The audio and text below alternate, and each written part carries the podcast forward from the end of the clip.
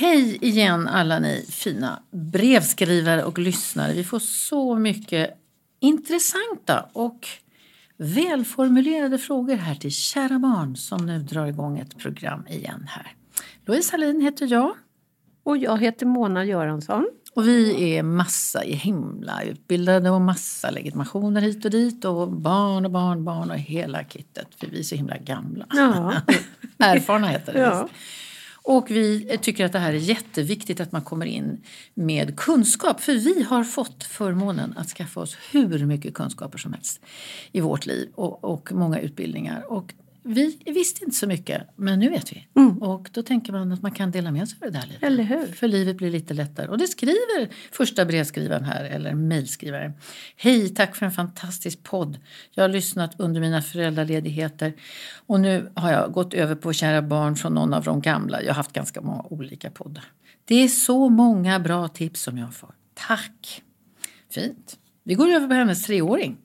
En son, väldigt glad. Han älskar sin app. Inte bara nappen, då han också har gosedjur som är tätt kopplat till nappen, det vill säga han använder och myser med de här två tillsammans alltid. Många av hans förskolekompisar i samma ålder har nu slutat med nappar och nu är det bara han kvar. Jag har inget problem med det då jag vet att han tycker jättemycket om det här. Han njuter och kopplar av med det här. Jag, eh, jag använde napp ganska länge när jag var barn men tänderna kan kanske påverkas negativt och dessutom tycker min man också att det är dags för sonen att sluta med nappen snart. Han använder den inte på förskolan, den ligger i hans rygga då, men efter dagens slut så längtar han efter den. Samt när han sover på nätterna. Vi försöker ta bort nappen när han leker så inte talet påverkas negativt. Det accepterar han för det mesta. Hans tal är riktigt bra faktiskt, så här långt, för hans ålder. Vad tycker ni vi ska göra? Ska han sluta med napp nu? Snart? Och vi? Ska vi bestämma det? Ska vi ta fighten? Hur gör vi med hans tätt sammankopplade gosedjur som också blivit en del av, den, av nappen kan man säga? Vad är för och nackdelar med nappar? Tacksam för er syn på saken. Du, skulle, du slog upp lite om det där Mona. Ja. Titta lite extra. Precis. Och att jag tänker så här, när man läser om, om man då säger att det påverkar tänder och så. Intensiv användning kan faktiskt ge förändring i tandställningen. Ja. Men intensiv. Och det handlar ju väldigt mycket om hur man använder nappen. Ja. Om han har nappen knutet till sin säng så är det ju inte troligt att det kommer att påverka hans tänder. Nej, när han somnar så slappnar hans underkäke av. Ja. Tänderna ligger inte emot varandra hela tiden. Det blir lite vakuum kan det bli men när han vänder sig och roterar där så kommer den att komma ut. Och han kan ha tio nappar. Han kan ha favoritnappar. Han kan ha hur många som helst. Han kan bara ha en i munnen. Det är ingen fara att ha många nappar och napparna. Men tillfället ska vara strikt medan tillgången kan vara mycket generös. Precis. Och då om man ska ta liksom citera en vetenskaplig text så Det står det så här att tändernas läge brukar bli bättre när barnet suger mindre. Barnet kan till exempel suga på nappen endast när han ska sova. Ja. Och eh, det är bra däremot att man slutar när de permanenta tänderna kommer. ja, och då har man ju ganska många år på sig. Precis. Problemet tror jag är många gånger att man använder nappen eh, om man, mamma går och handlar eller liksom... Jag brukar tänka på vad det heter på engelska, pacifier. Yes. Alltså den passiviserar verkligen ett barn. De blir lite lågenergiska och lite ögon i kors och lite sluta sig lite så. Det blir Precis. en meditationstillfälle. Ja. För det påminner ju om vad man suger på när man är liten för de flesta barn. Och Mm. Ja. Det är ju nappflaska i och för sig men många ammar ju. Och när man suger frisätts det faktiskt ett ämne i magsäcken som är lugnande. Ja, Så att det är ju, och jag tänker att det finns ju fördelar med nappen, eller tummen då, att man kommer till ro. Så att egentligen är det som med allt, det är ju föräldrarna som styr användningsgraden. och det har inte att göra med om, om eller inte utan hur. Ja. Att suga på tummen fick jag lära mig av en tandläkare som hade forskat på det en gång i världen. Kommer inte ihåg vem han var.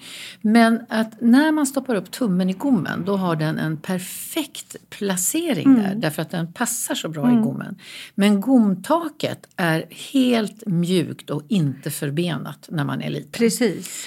Och då om man lyckas få till en rejäl vakuumsituation inne i munnen då kommer trycket av tummen att forcera tryck uppåt mot gomtaket och då är det inte så svårt att föreställa sig att tandraderna kommer att börja bukta inåt. Precis. Och då får man ett speciellt utseende på bettet. Och- Och, det är mycket större risk om man har en tumsugare. Samtidigt är det mycket vinster med tumsugning. Man har alltid tu- grejen Den på finns plats. alltid där. Ja, och lite lagom med vanliga basiller förhoppningsvis får man i sig. Mm. Aldrig när man leker, aldrig när man pratar, aldrig någonstans. Då, då försvinner den där sugstunden. Men det finns en viss risk att vakuumet som man har lyckats åstadkomma innan man somnar Det finns en risk också att tummen trycker fram framtänderna. Inte lika mycket som, tom, eh, som, eh, Som gommen. gomtaket Nej. som är så mjukt. Men jag tycker att alla artiklar som jag har hittat och mycket är skrivet av, av tandläkare Ja. så står det ju att intensivt användandet ger problem. Alltså håll nappen under kontroll. Precis. Och då ska den vara insight, alltså, eller out of sight. Ta in den, ta bort den. Låt den inte bara Ja. ligga överallt då. Men när det är, då kan det vara gränslöst Ja. mycket nappar. Jag tänker på att jag ibland ser ute på stan eller när jag går bort till folk att en del barn högt upp i åldrarna faktiskt, jag tycker faktiskt tre, fyra, fem år, pratar med nappen kvar i munnen. Och det är inget bra för där kan man faktiskt få förändring på talet. Ja, Så att sig nappen sorts ska inte vara med. Nej, då blir det ju ett läsp liksom. Ja. Ja. Och så hör man, jag hör inte vad de säger. Det finns ingen anledning att ha napp i pulkabacken. Nej, verkligen inte. Däremot vill jag säga till, till föräldrar med nyfödda bebisar Ja. att ehm, vissa bebisar har ju enormt sugbehov och de behöver kanske en napp. Men vänta tills eh, matningen är igång. Mm. Så att de lär sig, om man vill amma till exempel, att, att, att barnet lär sig den tekniken. Ja, det kallar vi för nipple confusion i forskningen. Att Ja. man, om man får suga på väldigt många olika saker hela tiden, då blir man lite förvirrad. Precis. Men De måste först lokalisera att här ligger belöningarna, så här Ja. kommer maten. Och det är precis som du säger, första tiden. Och det märker man ganska tydligt. När de har koll på Ja. det. Ja. Men man brukar rekommendera att klippa sin lillfingernagel till ett intet och vara väldigt ren om händerna och låta dem suga på en, ett finger istället. Och då känner man faktiskt att de ammar på fingret, inte suger. Man känner hur tungan rör sig. Ja. Och sitter det beteendet så kan man ju låta barnet få napp sen. Ja, och det, det blir väl så. Man försöker väl få in någonting emellan. Men spädbarn skriker ju väldigt sällan av någon annan anledning än magont och hunger. Så att prova matning istället för nappar om de skriker.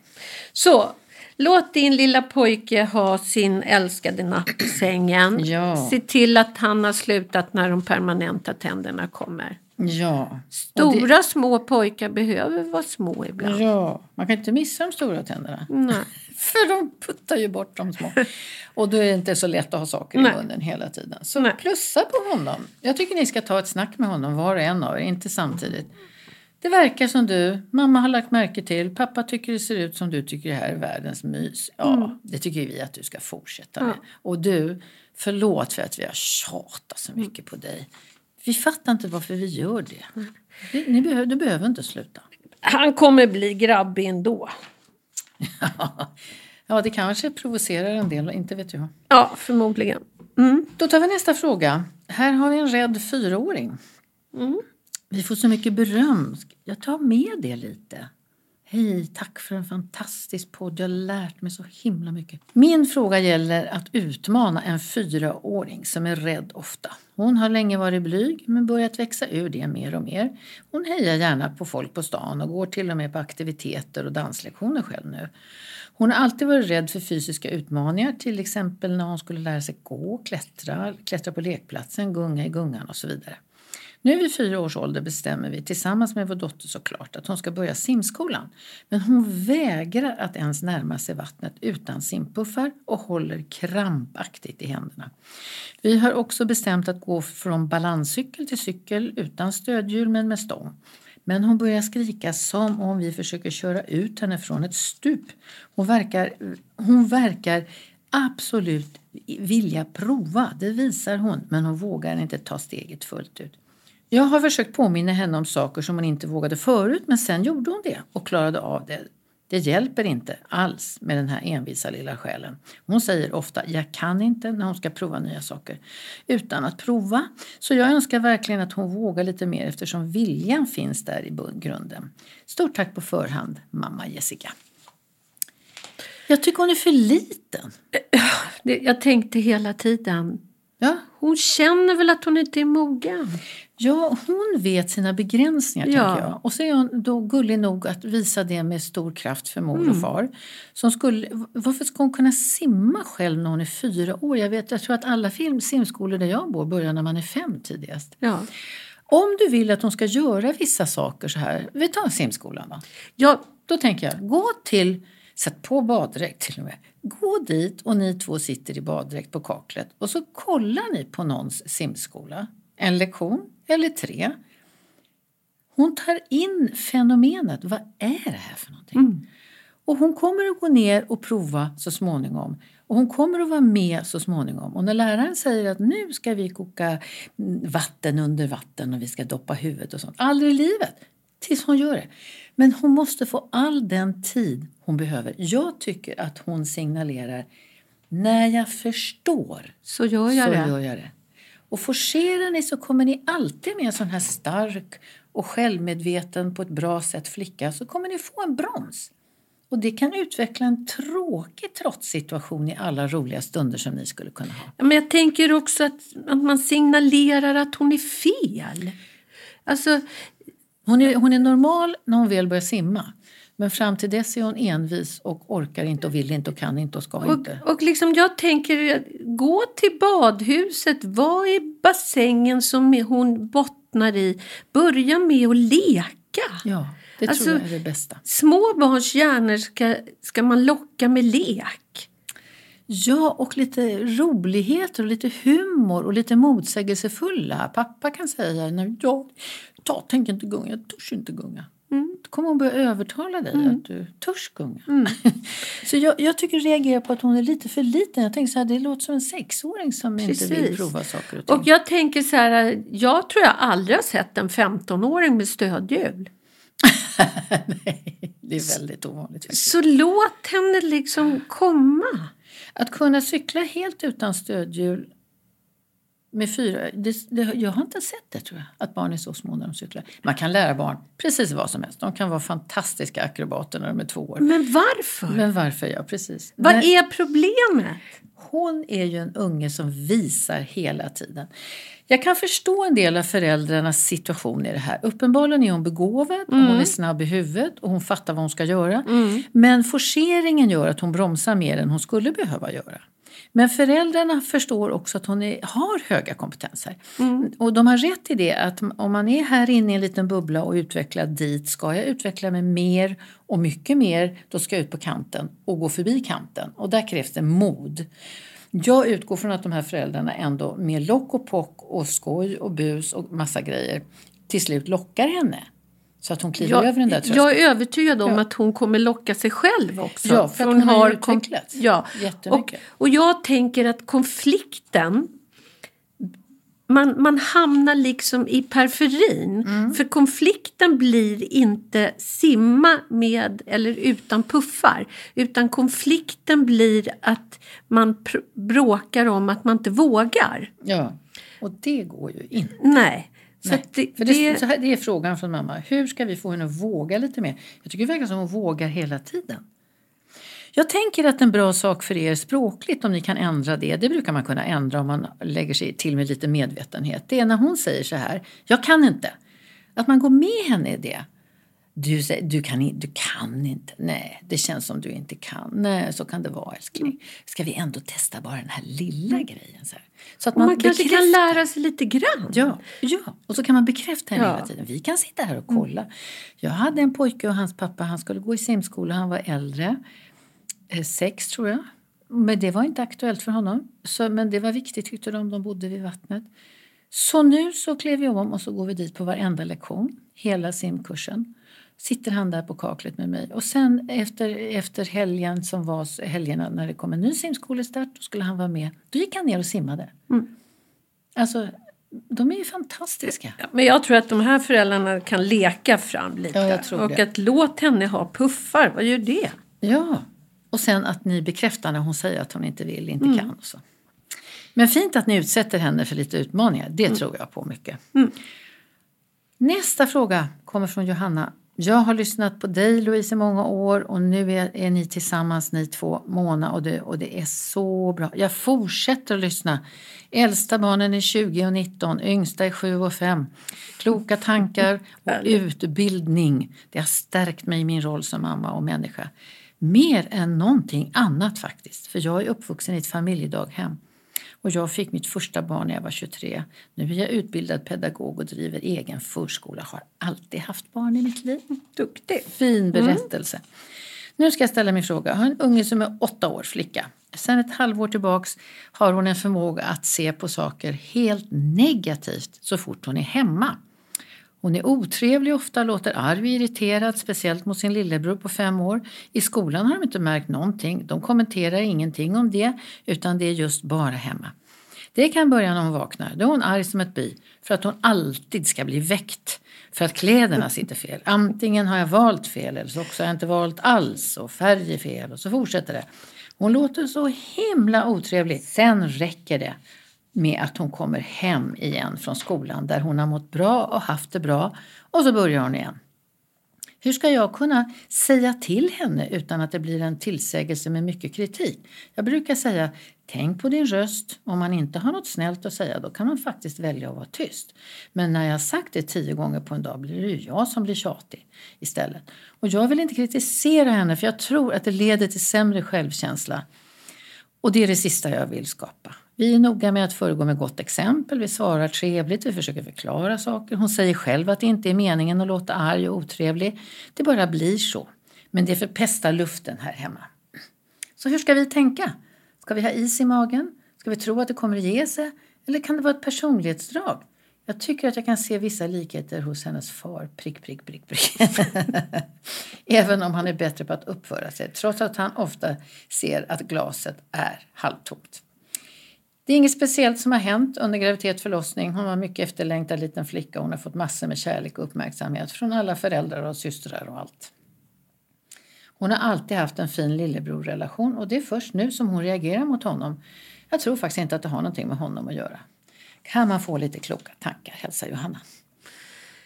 Kan det vara någonting som inte funkar i skolan? Som gör att... Hon mår ju bra där. Ja, Alltså jag tänker att det förstås är någonting. ja. Jag tänker att generellt kan man säga, tycker jag, om gnäll, barn som gnäller och klagar sådär lite kontinuerligt och monotont sådär, utan att det är specifika händelser framför. Det är en onaturlig förhållning för ett barn att Jaha. gnälla. Gnäller gör man när man har fått för lite av någonting, när man inte är påfylld, när man, liksom, eh, man har brist på något sätt. Man saknar någonting. Ja, det är inte helt olikt oss vuxna, Nej. kan man säga. Men det är inte ett normalt, eh, normaltillstånd som pågår dag ut och vecka in hos ett barn. Mm. Så jag tänker att man skulle behöva en... Hon man kanske kan, skulle behöva en, en eftermiddag bara med mamma. Ja. Åtta och fem, då hämtar man väl samtidigt. Allt Ja. det där rationella som vi gör hela Ja. tiden. Jag tycker faktiskt att den här mycket stillsamma lilla kommentaren om pappa som har en halvtom glas Mm. på livet. Det är inte någonting som inte påverkar henne. Det är en jättestor... Jag kan säga så här att om mannen säger saker, berättar saker så finns det något kritiskt underliggande, något lite Mm. vasst kommentar eller folk ska alltid hålla på så här och så. Om det alltid är ett halvtomt glas. Då kommer det i familjen bli mammans roll att alltid dra upp honom Mm. från det. Så då börjar hon bli ensidigt positiv, lugnande, hjälpande. Det blir inte det här pingponget som man Nej. behöver ha i en parrelation. Och det blir inte det här lite sinuskurvan. Vissa dagar är man där förstås, Mm. andra dagar så är det jätteannorlunda. Men det är ju okej att Ja. man har dåliga dagar. Ja, men han är, skriver hon. Det låter Mm. lite manifest, så här är det alltid. Och då kommer hon anpassa sig till det. Och, då Och kommer, härma. Ja, flickan kan göra det, absolut. Hon hör ju hela tiden. Vad åstadkommer... Han är man, han är pappa. Han dominerar vissa ordningssaker i familjen för det gör den manliga mörka rösten till exempel. Och barnens, barnen vet att det är annorlunda med pappor och mammor.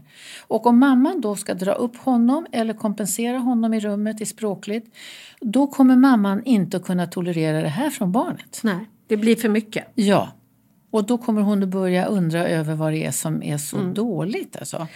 Men, Men jag tänker att, att man också märker pappa får ett visst bemötande av mamma som förmodligen är upp, upplyftande. Kom igen, det är inte så farligt. Sådär, va? ja, jag motpolen Ja. till hans. Och det blir ju en belöning för hur man uppför sig.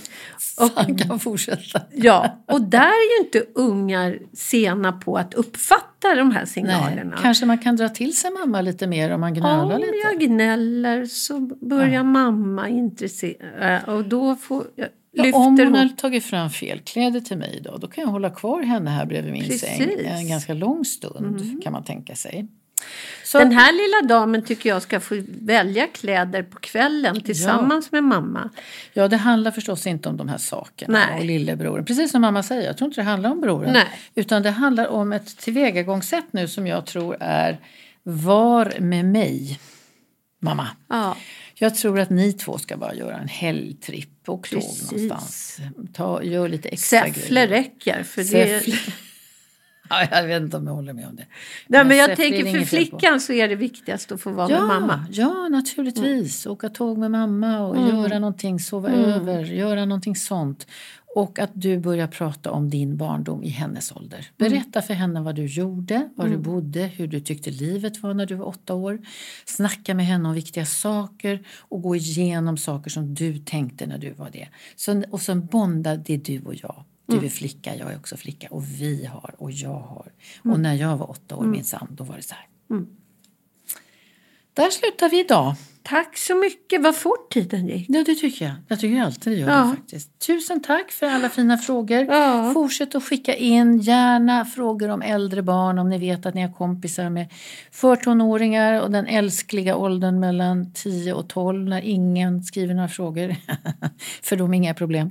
Det tycker vi är kul. Och jag tycker det är roligt med tonårsfrågor också. Mm. Och tonåringar, om ni har några som lyssnar, de får gärna skicka in Mm. egna frågor om sina besvärliga föräldrar. Det går bra. Mm. Så gör vi. Tack för idag. Slut för idag. Hej då. Hej alla mammor och pappor, skriv oss!